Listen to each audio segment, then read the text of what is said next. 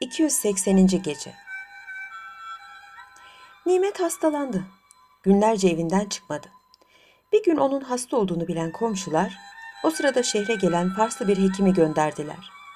Hekim onu iyice muayene ettikten sonra başucunda duran babasına döndü. Oğlunun hastalığı sevdadır. Kaybettiği sevgilisine kavuşursa şifa bulur, dedi.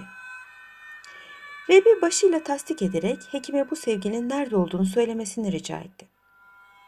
Hekim kağıt kalem çıkardı, bir takım hesaplar yaptıktan sonra ya Basra'dadır yahut Şam taraflarında. İstersen oğlunu benimle gönder. Önce Şam'a gidelim, orada arayalım. Bulamazsak Basra'ya geçeriz dedi. Rebi buna razı oldu. Hekimin sözlerini dinleyip kendisine ümit bağlayan Nimet adeta birdenbire canlandı. Yatağından kalkarak babasının boynuna sarıldı. Aman babacığım çok iyi olur. Bu hekime beraber gidersem onu er geç bulacağımızdan eminim dedi. Ortalık ağarmaya başlamıştı. Hükümdar Şehriyar masala ertesi akşam devam edilmesini istedi. Şehrazat da yarıda kalan hikayesine ertesi akşam şöyle devam etti. 281. Gece Ertesi gün Nimet Farslı bir hekim gibi giyinerek asıl hekimle beraber Şam'a giden kervanlardan birine katıldı. Oraya varınca Farslı hekim şehrin en işlek bir yerinde çok büyük bir dükkan açtı. İçini halılarla ve ilaç şişeleriyle doldurdu. Şehre Farslı büyük bir hekimin geldiğini haber alan Şam halkı hastalarını baktırmak için onun dükkanına dolup boşalmaya başladılar. Kısa zamanda hekimin şöhreti her tarafa yayılmıştı. Bir gün dükkana iyi giyinmiş, ihtiyar bir kadın geldi. Kızının hasta olduğunu söyleyerek bir ilaç istedi.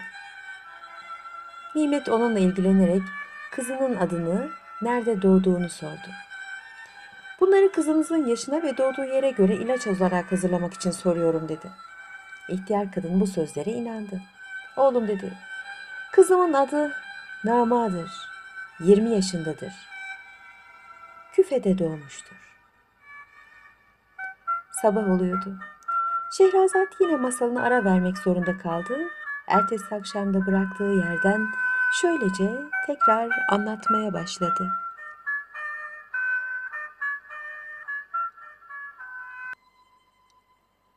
...282. Gece Bunu işitince Nimet'in yüreği yerinden oynadı. Bir şişeye zararsız bir ilaç koydu. Sonra da şişenin üzerine kendi adını yazdığı bir kağıt yapıştırdı. İhtiyar kadın ilacın parasını ödeyerek saraya gitti. Hasta yatan Nama'nın yanına vardı. İlacı ona verip, kızım bu ilacı Farslı bir hekimden aldım. Çok iyi bir genç dedi. İlaç şişesinin üstündeki kağıtta kocasının adını okuyunca Nama'nın yüzü güldü. İlacı bir yudumda içti. Geniş bir nefes alarak yatağında doğruldu. Bunu gören ihtiyar kadın sevindi. Hekime hayırlı dualarda bulundu. O sırada Nama'yı yoklamaya gelen halife onun iyileştiğini görünce ihtiyar kadına dönerek gözün aydın. Baktığın cariye iyileşti.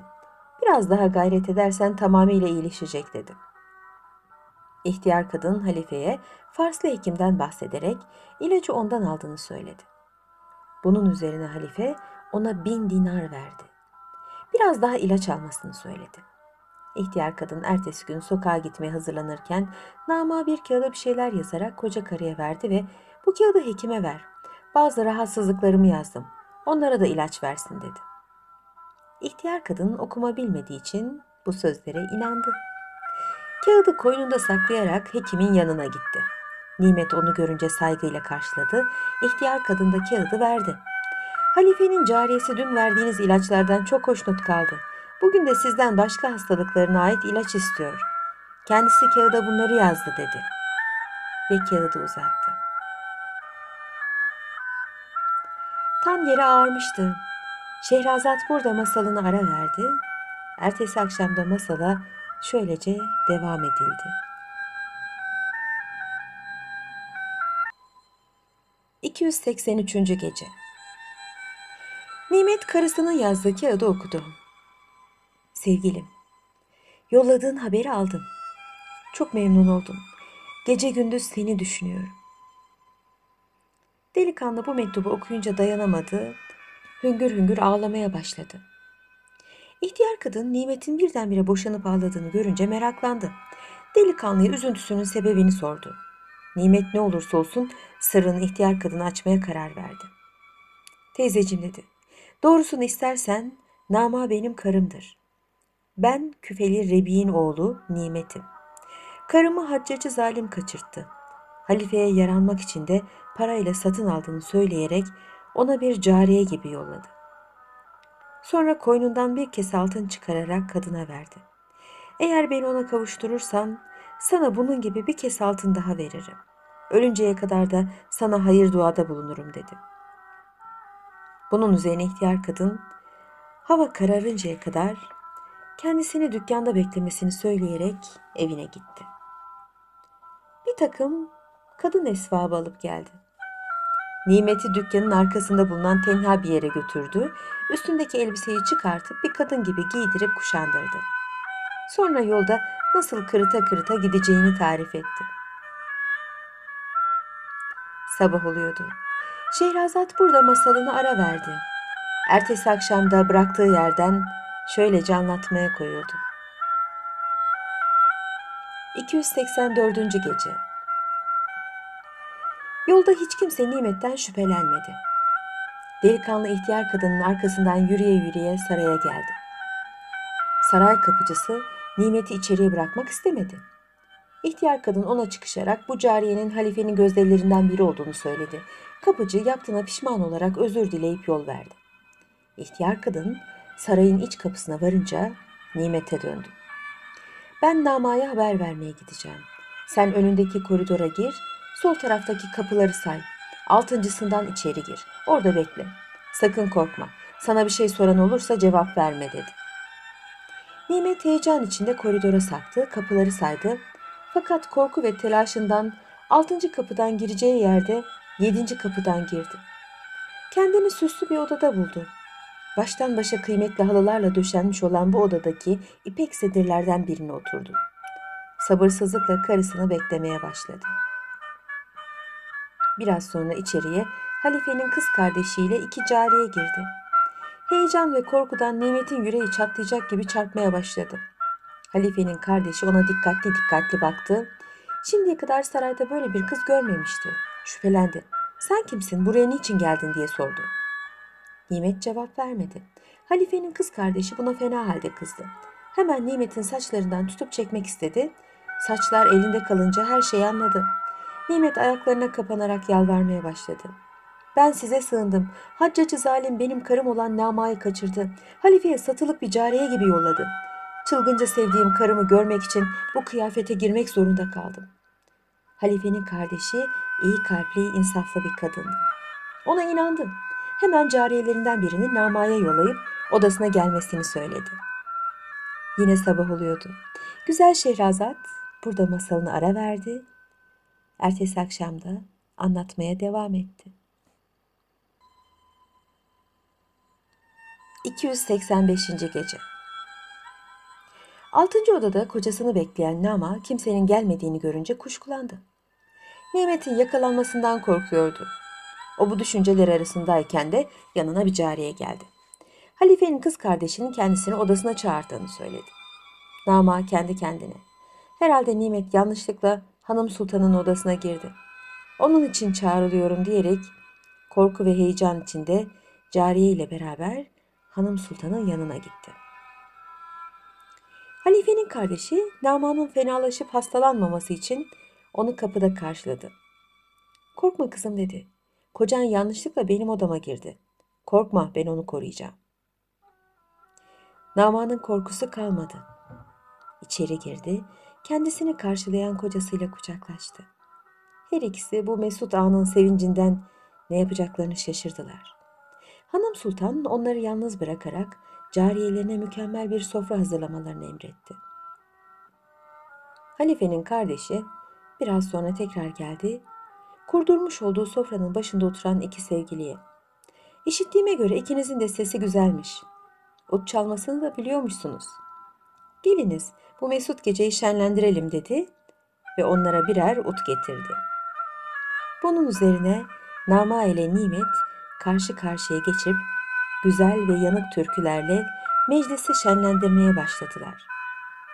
Kız kardeşinin odasında saz sesi işiten Halife bu eğlencenin sebebini merak edip onun odasına kadar gitti. Sabah oluyordu. Şehrazat burada masalını ara verdi. Ertesi akşam da bıraktığı yerden şöylece anlatmaya devam etti.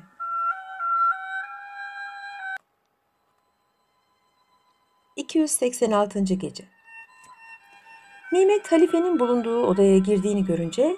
...takma saçını düzelterek yüzünün yarısını yaşmakla örttü. Halife ona bakarak kim olduğunu sordu. Kız kardeşi de uygun bir cevap verdi.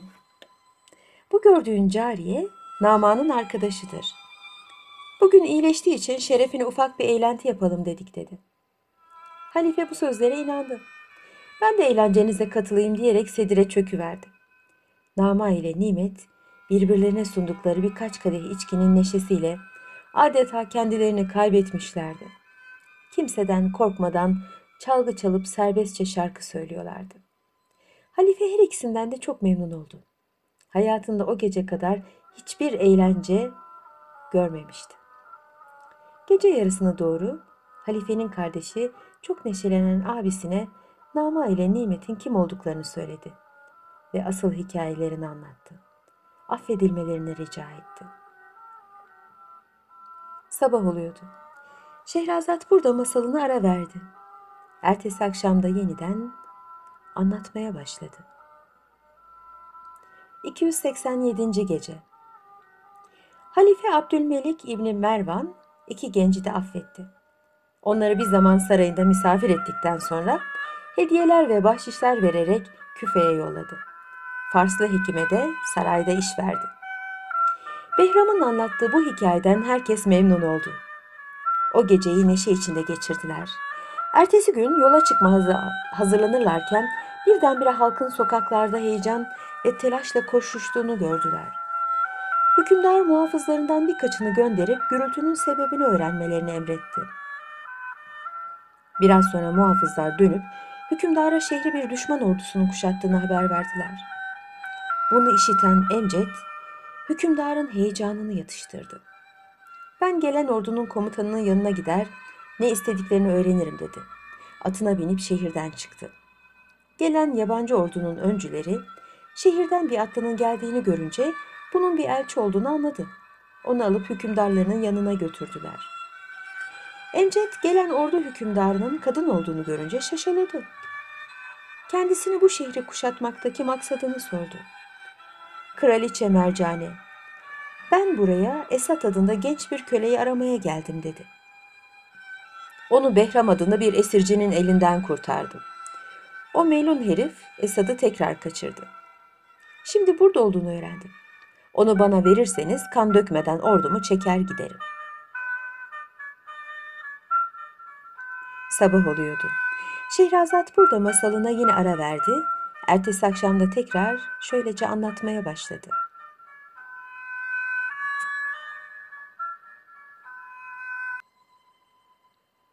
288. Gece Bunun üzerine Emcet, kraliçeye Esad'ın abisi olduğunu söyleyerek başlarından geçenleri anlattı. Kraliçe çok memnun oldu. Atına binerek Emcet'le beraber şehre girdi. Saraya varınca Esad'ı gördü. Sevinci bir kat daha arttı. Şehrin hükümdarıyla tanışarak o gece onun misafiri oldu. Ertesi gün gitmeye hazırlanırlarken şehrin doğu kapısına doğru başka bir düşman ordusunun gelmekte olduğunu işittiler. Emcet kardeşine ve kraliçe Mercane'ye müsaadenizle gidip bu düşman ordusunun ne istediğini öğreneceğim. İcap ederse onunla çarpışırız diyerek atına bindiği gibi o tarafa sürüp gitti. Şehir kapısına dayanan düşman askerlerine kumandanlarıyla görüşmek istediğini söyledi. Hemen onu alıp hükümdarlarının çadırına götürdüler. Emcet bu sarkık bıyıklı, çekik gözlü hükümdarı selamladıktan sonra ne istediğini sordu. Hükümdar da ben Çin hükümdarı Gayyur'um. Şehzade Kamerüzaman'la evlenip memleketine giden kızım Büdur Hatun'u aramaya çıktım deyince Emcet, hoş geldin dedeciğim diyerek ihtiyarın ellerini öptü. Kendisini tanıtıp başlarından geçenleri anlattı. Çin hükümdarı onu ve kardeşini babalarıyla barıştıracağını söyleyerek torununu bağrına bastı. Sabah yaklaşıyordu. Güzel Şehrazat burada masalını kesmek zorunda kaldı. Ertesi akşamda masala şöyle devam edildi. 289. Gece Çin hükümdarı ile Emcet beraber şehre girmek üzereyken uzaktan başka bir ordunun yaklaşmakta olduğunu gördüler. Kim olduklarını merak ederek atlarını o tarafa sürdüler. Yanlarına gelince bu ordunun Armanos hükümdarına ait olduğunu, başlarında da Kamerüzaman'ın olduğunu fark ettiler. Emcet hemen şehre girip kardeşine müjde verdi ve onu alıp Çin hükümdarı ile beraber Kamerüzaman'ın yanına gitti. Evlatlarına kavuşan Kamerüzaman sevincinden deli olacaktı. Bir iki gün sonra Kamerüzaman kendisine armağan aramaya çıkan yaşlı babasıyla da buluştu. Tam yere ağarmıştı. Şehrazat tatlı bir gülümsemeyle burada sustu. Ertesi akşam da masala şöyle devam edildi.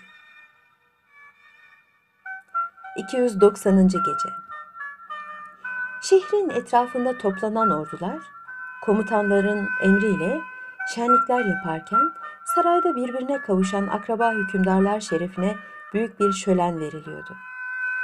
Birkaç gün sonra kraliçe Mercane Esat'la evlenerek kalesine döndü.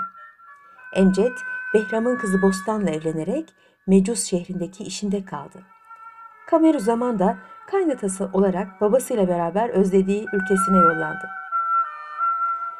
Şehrazat anlatmasını bitirince hükümdar Şehriyar çok güzel bir hikaye dedi. Şehrazat tatlı tatlı gülümsemeyle cevap verdi. Size şimdi anlatacağım Benli Alaaddin hikayesi bundan daha meraklıdır. Şehriyar da gülümseyerek güzel karısına baktı ve emretti. Anlat bakalım. Anlat.